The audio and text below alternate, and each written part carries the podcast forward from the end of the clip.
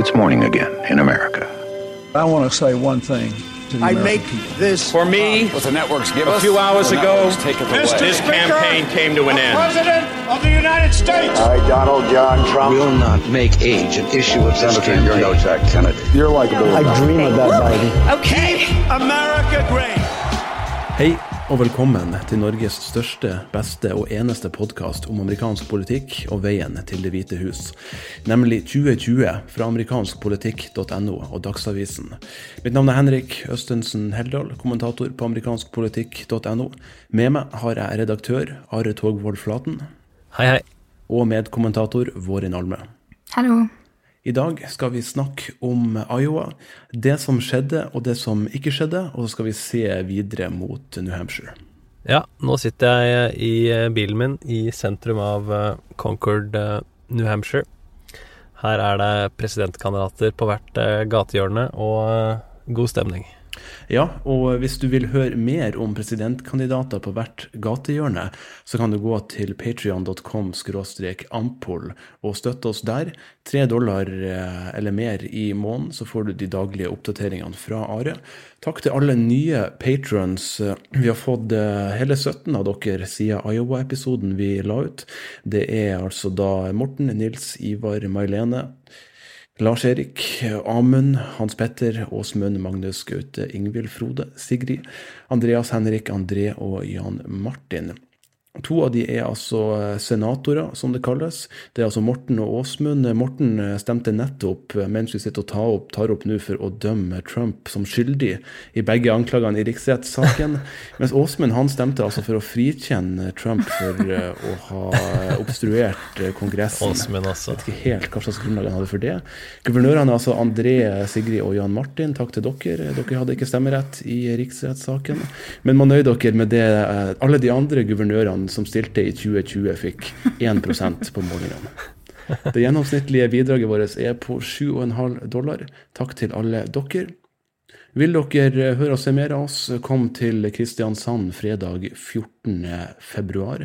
Da skal vi ha et liveshow bl.a. med meg og Are på østsida i Kristiansand. Det finnes et Facebook-arrangement på det, og det er mulig å se oss eh, direkte. Da kommer Are rett fra New Hampshire til Kristiansand. Men du er, selv om du er i New Hampshire, heldigvis, Are, så har du dessverre vært i Iowa.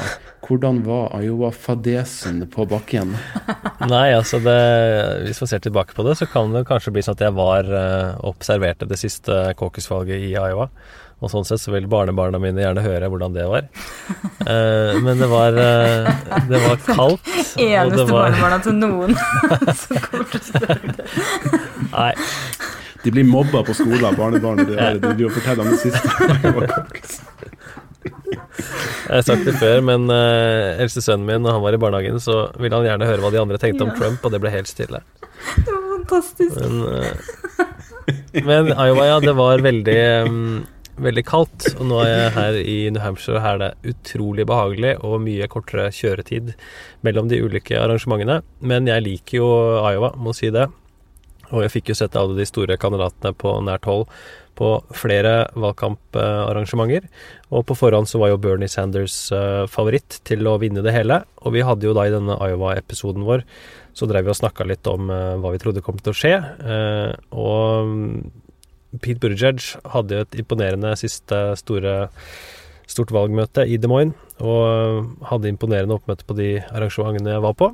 Og han har jo virkelig overraska. Han har jo gjort det han uh, satsa på, altså faktisk uh, overraske i Iowa. Men så er jo spørsmålet om det i det hele tatt betyr noe, pga. at resultatene kom så sent. Ja, Vårin, det var forferdelig når vi ikke fikk resultatene. Men du var litt smartere enn meg, for du gikk jo faktisk og la deg og sto opp midt på natta istedenfor å ta hele greia uten søvn.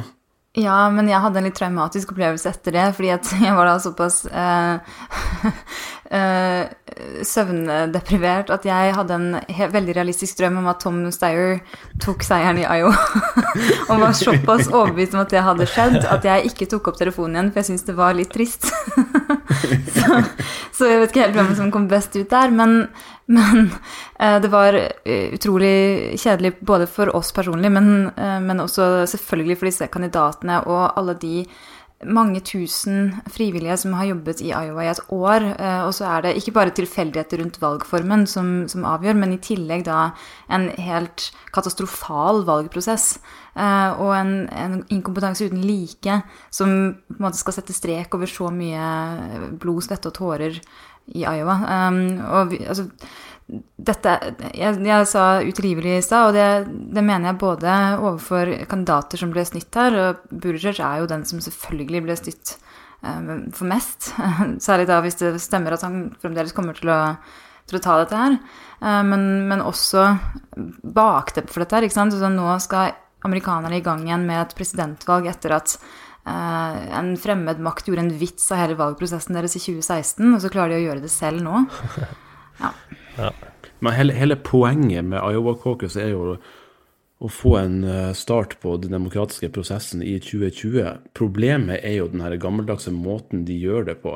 Greit nok at du har 15% for å få delegater i alle statene på demokratisk side, men altså skal de gå gjennom å ha 15% i hvert eneste valglokale, som gjør det så utrolig komplisert og unødvendig lang tid som går med det hele.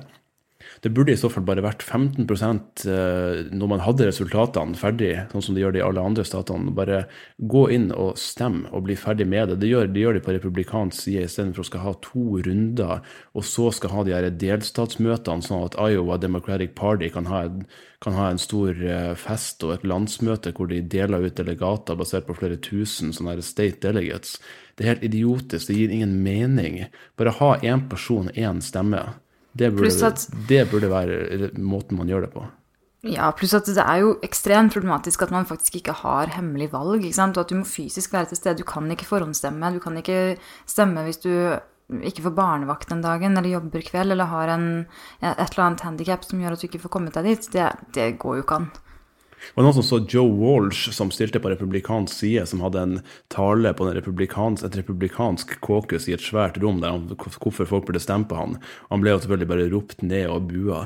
Det er jo ingen Walsh-velgere der som tør å stemme på han, for de vil jo ikke at naboene som er republikanere skal se at de stemmer mot Trump. ikke sant? Så det er, det er helt idiotisk. Ja, det aspektet er jo det som er jeg synes det mest problematiske med det. Jeg tenker på meg selv også, hvis jeg skulle gått og stemt Jeg hadde jo ikke deltatt i et caucus-valg. Jeg, mm. jeg syns jo ikke det er eh, Hvis jeg da liker eh, John Delaney f.eks. syns ikke jeg er så veldig kult å sitte i et rom eh, der ingen andre mener det samme. Og da hadde jeg sikkert eh, Skal si at det, det, det, er det minst unorske i verden vår caucus. ja. ja. Ja, men eh, jeg la jo ut uh, valgkampdagbok eh, der jeg var inne på et, et svært caucus i Des Moines. og de som hører den, hører jo at det er ganske kaotisk. Og jeg som hadde reglene, vil jeg si, under huden på forhånd, jeg stussa litt også på hvordan det her foregikk, for det var utrolig mange vendinger. Først skulle man sitte der, så skulle det gå 15 minutter, og så skulle man gå dit, og så skulle man Ja, altså det var veldig kaotisk for folk, så de aller fleste gikk jo hjem etter første stemmetelling, og da var det opp til eh, de som da skulle finne seg et nytt sted å sitte, som da måtte være igjen lenge og bli registrert. Så det var, det var jo et kåkis med over 800 mennesker. Eh, men se for deg eh, så vanvittig mange forskjellige måter å gjøre det på. Noen som hadde god informasjon, noen som ikke hadde fullt så god informasjon. Og så er det den appen, vi har ikke vært inne på det, men hvordan man i det hele tatt skulle sende resultatene, det, det er jo en uh, katastrofe som uh, Og vi sitter jo nå, uh, to døgn etterpå snart, uh, idet vi tar opp det her. Og foreløpig er det da kun 75 av resultatene inne. Det her viser jo at man kan ikke gjøre det på denne måten. fordi det at de la til den appen, og at de skulle vise resultatene for runde én og to, som vi aldri har visst før, mener jeg er et must for å ha et sånt her valg. Du må vite hvor mange som stemte på hver kandidat, istedenfor å bare vite de her delegate equivalents. Og det har vist seg at man kan ikke gjennomføre det med alle tre rundene på en måte som er innenfor rimelighetens grenser tidsmessig. Derfor bør hele prosessen bare revurderes. Eh, men eh, Det begynner jo å bli eh, gammelt nytt, det som skjedde i Iowa. Men resultatene de oppdateres jo fortløpende. Men du kan jo gi oss overskriftsnivå, Henrik? Ja, det var jo Bernie Sanders som fikk flest stemmer. Han ligger på litt over 24% mens Pete ligger et par-tre prosentpoeng bak han. Eh, Warren fikk tredje mest stemmer, litt under 20% mens Joe Biden da fikk en rundt 15% Amy Klobuchar rundt 12-13 eh, Så det var topp eh, fem. Så i andre runde, når man da har fjerna alle under 15% i hvert eneste valglokale, så ligger så det er helt jevnt mellom Pete og Bernie. Det er så jevnt at vi på dette tidspunktet ikke kan si noe mer, fordi vi mangler noen stemmer. Så det er helt jevnt.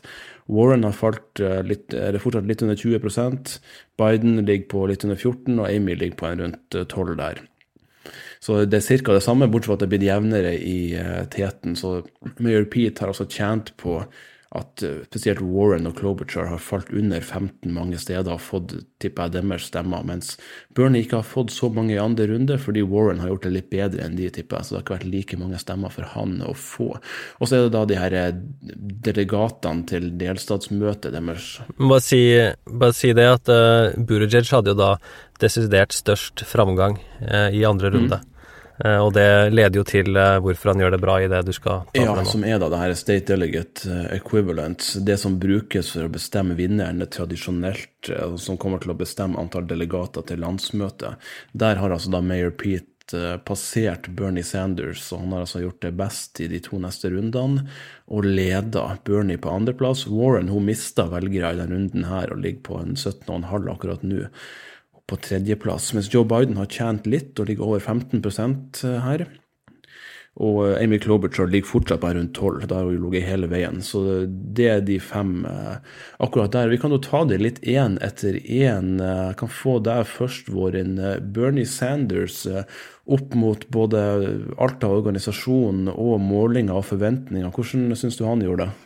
Jeg syns jo han gjør, det, han gjør det veldig bra. Altså, dette her er jo alt han trenger egentlig å gjøre. Jeg, jeg tenker egentlig heller at han, han, ikke har tapt på denne forsinkelsen. Jeg vet ikke hva dere tenker om det, men, men jeg tenker ikke at han trengte en, en boost fra Iowa så mye som uh, f.eks. Pete gjør. Da. Altså, Bernie trenger bare å vise at dette har han. Det er ikke Biden som er nødvendigvis hans største konkurranse. Uh, og, og, at han kan uh, organisere, og at han har så entusiastiske Eh, velgere bak seg. For det vet vi jo. At eh, han har, selv om han kanskje ikke har flertallet alltid, så har han de mest entusiastiske velgerne. Mm. Hvis man ser på, på modellen til 538, så er det i alle scenarioene hvor Bernie er på første eller andreplass, så det er alltid best for han i modellen, eller i, det, i deres prognose, hvis Joe Biden er utafor topp tre. Så det at de moderate stemmene på en måte splittes og Biden gjør det dårlig, og sånn, alt det der er bra for, for Bernie. Pete, da, Are, han uh, lå jo på tredjeplass på målingene. Fikk nest flest stemmer og ligger an til å vinne til slutt. Det er jo bare å regne som eh, et uh, fantastisk valgresultat for han. Ja, det er jo Burde jo vært forsidemat på en haug med aviser, men det ble, ble, han jo robba for. Så han kom jo, kom jo unna det her med ganske lite, da. Men han holdt jo da en en seierstale og fikk en del ekstra oppmerksomhet pga. det. Da visste han jo litt om hvor det kom til å gå, selv om ingen andre hadde sett noen resultater. Eh, men han har jo bevist her at han eh, virkelig har en imponerende eh, kampanje. Visste hvordan han skulle gjøre det i Iowa. Altså hvert eneste lille distrikt rundt omkring i delstaten så gjorde de en god jobb. Eh, og han har jo vist her at han, eh, han kan være en, en, kandidat å regne med, men som jeg har skrevet på amerikanskpolitikk.no, så kan det hende det er eh, for sent. Altså Bernie Sanders er soleklar favoritt i New Hampshire, og Buttigieg er, eh, er nok avhengig av å overraske stort her. Om ikke han vinner, så en, en solid andreplass. Ja, Våren, det her er at han ikke fikk de her avisoverskriftene. Vi har snakka om momentum og alt det her. Du får liksom i forrige episode hørte vi jo de episke øyeblikkene fra talene til vinnerkandidatene. Det fikk jo ikke han uh, gjort. Nei, eller han forsøkte da å, å, få til denne vinnertalen i Iowa allikevel, selv om ikke resultatet var inne. Og det eh, kan man jo altså, si på den ene siden at uh, det er det eneste han kunne gjøre. fordi at de, altså, da vil hans tale fremdeles ha, altså, være noe man kan se tilbake i arkivet, som en tale han holdt i Iowa for sine veldig entusiastiske støttespillere. Um, og, og, med for meg helt åpenbare um, paralleller til Obamas tale der i 2008. ikke sant? Så Obama som kom inn og sa 'They said this couldn't be done'. 'They said our sights were too high'. Og så kommer Pete inn og sier 'Tonight uh, an improbable hope became an undeniable real, uh, reality'. ikke sant? Så det, det en, Han hadde åpenbart lyst på det samme type øyeblikket. En vanvittig overraskelse fra en underdog som gir ham det momentumet. Uh, og med da en kjempetale i tillegg. Uh, og så ble han da uh, altså, robbet for det på en måte der hvor folk anså ham som arrogant og nesten kalte ham en løgner for å, for å ha erklært seier. og nå vet vi da ikke um, effekten av dette her, om han fremdeles ses på som en Uh, virkelig en underdog som er overrasket, eller om forventningene har skrudd seg såpass i mellomtiden at uh, det på en måte nå er allerede akseptert at han er uh, en av de altså toppkandidatene. Ja, han burde jo samla inn en million dollar bare på 24 timer eller mer, som han sikkert ikke har gjort pga. han ikke fikk det resultatet der og da, men han får jo fortsatt legitimiteten til å fortsette, og med en god debatt kan jo hende han passerer eh, Joe Biden i New Hampshire eh, også. Elizabeth Warren var på tredjeplass og havna på litt under 20% Som jeg var inne på i forrige episode, så hadde hun mest støtte i byene, og derfor eh, pga. styrkeforholdet i delegatfordelinga mista en del stemmer i, litt i andre runde, men også spesielt da i tredje runde med de her eh, fylkesdelegatene, så hun mista en god del. Men hun er fortsatt på en, en klar tredjeplass, eh, og Joe Biden er kom et stykke nærmere, faktisk, jo, mer, jo flere runder man gikk, men han var da på en klar fjerdeplass, og hun på en tredjeplass.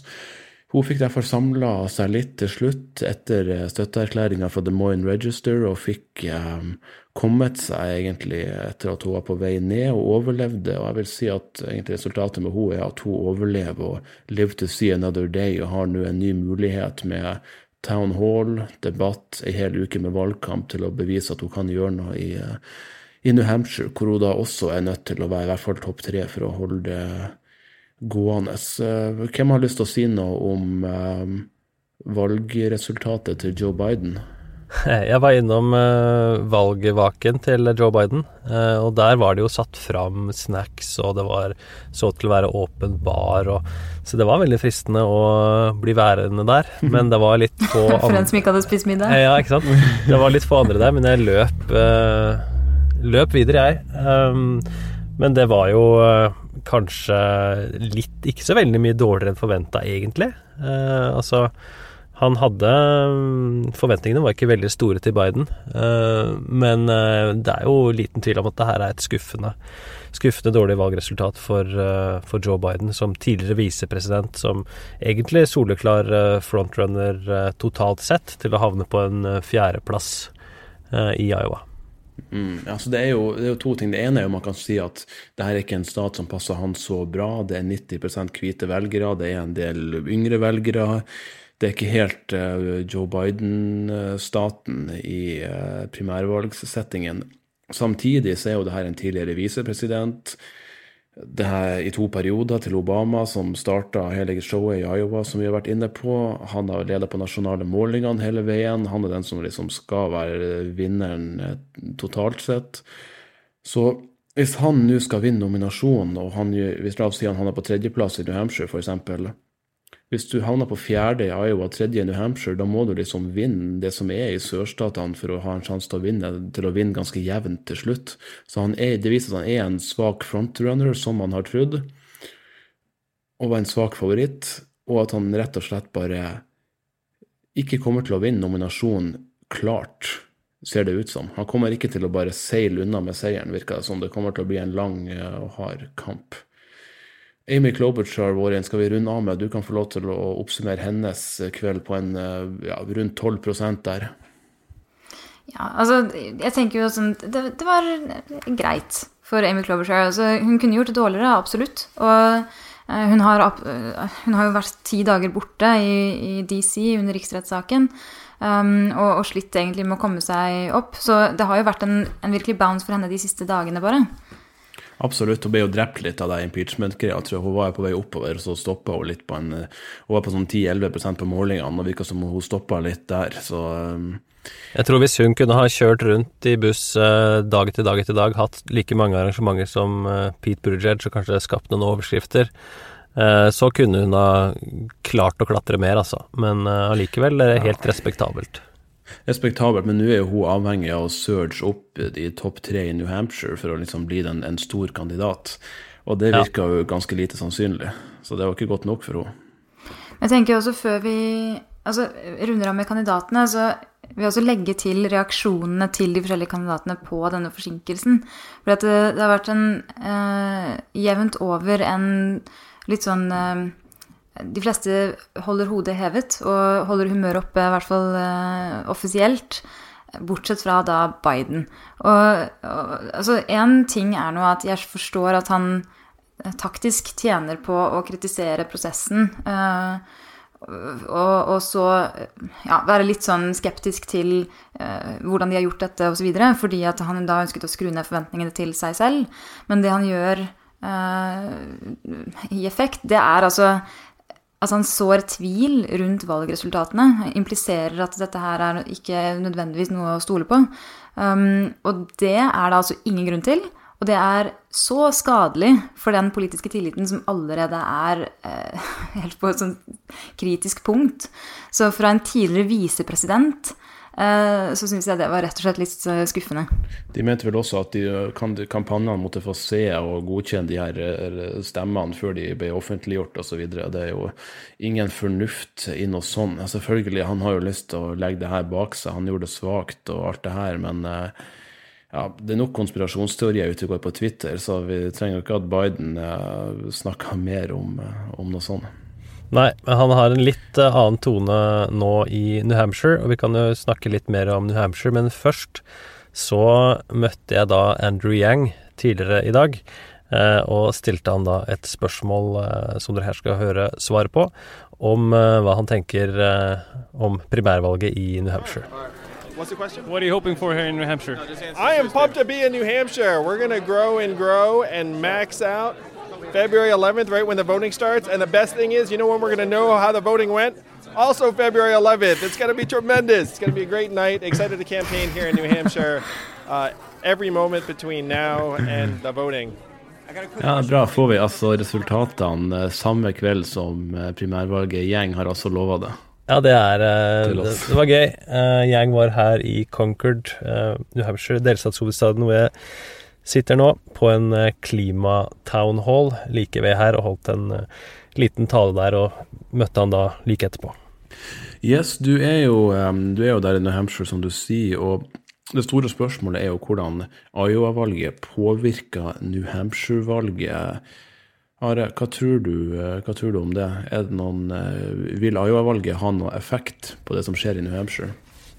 Altså, det er jo en, en snakkis her blant folk også, der man humrer litt over eh, hva som skjedde i Iowa. Og tradisjonelt sett så sier man jo at eh, her i New Hampshire at eh, Iowa plukker mais, mens New Hampshire plukker presidenter. Så de mener jo selv at de har beste det beste valget av de to første delstatene. Og, men de er jo tradisjonelt sett heller ikke noen som ønsker å bli fortalt hvem de skal stemme på. Nokså uavhengige her. Eh, og det har jo da De har også favorisert kandidater fra nabostater. Altså Bernie Sanders vant her med stor, stor margin i, i 2016. Eh, han er også dermed storfavoritt her nå. Uh, mens uh, andre mer uh, Altså Biden, for eksempel, har nesten eh, eh, tidligere i hvert fall avskrevet New Hampshire også, men han har jo da snudd litt der og tenkt å bruke mer tid her nå. Men eh, en vrien delstat, uh, syns jeg, for, eh, for Pete Buttigieg. Ja, Warren, du var inne på det i stad med at han ikke får helt den mediedekninga. Når han har vært høyt oppe på målingene tidligere, så har han jo også vært høyt oppe i New Hampshire. Nå er han jo på tredjeplass på målingene, egentlig veldig nært eh, Der er det rett foran Elizabeth Warren, egentlig, mens Biden er på andre og Bernie er på en klar første. Men Pete eh, han sikta seg vel inn på topp to her òg, går jeg ut fra. Ja, og det kan jo være en realistisk plan dersom du får en tilstrekkelig IOA-boost. men det vet vi fremdeles ikke om han faktisk fikk her. Uh, og vi kan, vel, kan, vi kan vel egentlig si at dersom han ikke klarer det, så, så går det an å si at noe av effekten kom fra denne forsinkelsen.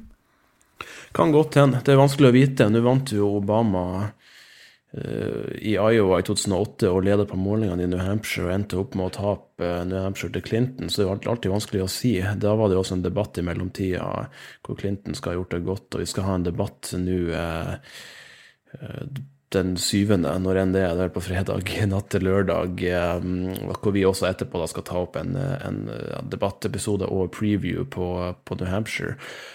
Så det er umulig å si egentlig, men det er jo ingen tvil om at Bernie Sanders er favoritten i New Hampshire, med tanke på at han leder så klart på målingene, og Iowa-resultatet skader jo ikke akkurat hans sjanser i New Hampshire, så jeg ser jo fortsatt han som en uh, klar, klar favoritt, så at New Hampshire da kan gi han en kjempestart på det her primærvalget. Ja, jeg var på et uh, Bernie Sanders-arrangement uh, tidligere i dag. vi tar jo opp det her på onsdag. Um, og um, det var en Han sa at han hadde på seg slips fordi han skulle fly til Washington og stemme i riksrettssaken. Han kommenterte også Iowa-resultatene på en, en, lignende måte som Yang, og sier at jeg lurer litt på hvorfor det tar så lang tid i, i Iowa.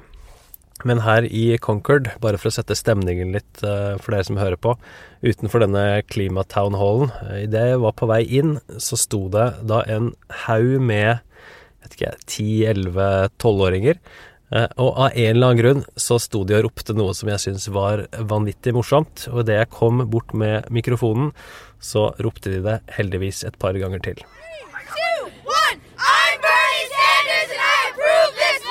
Hæ?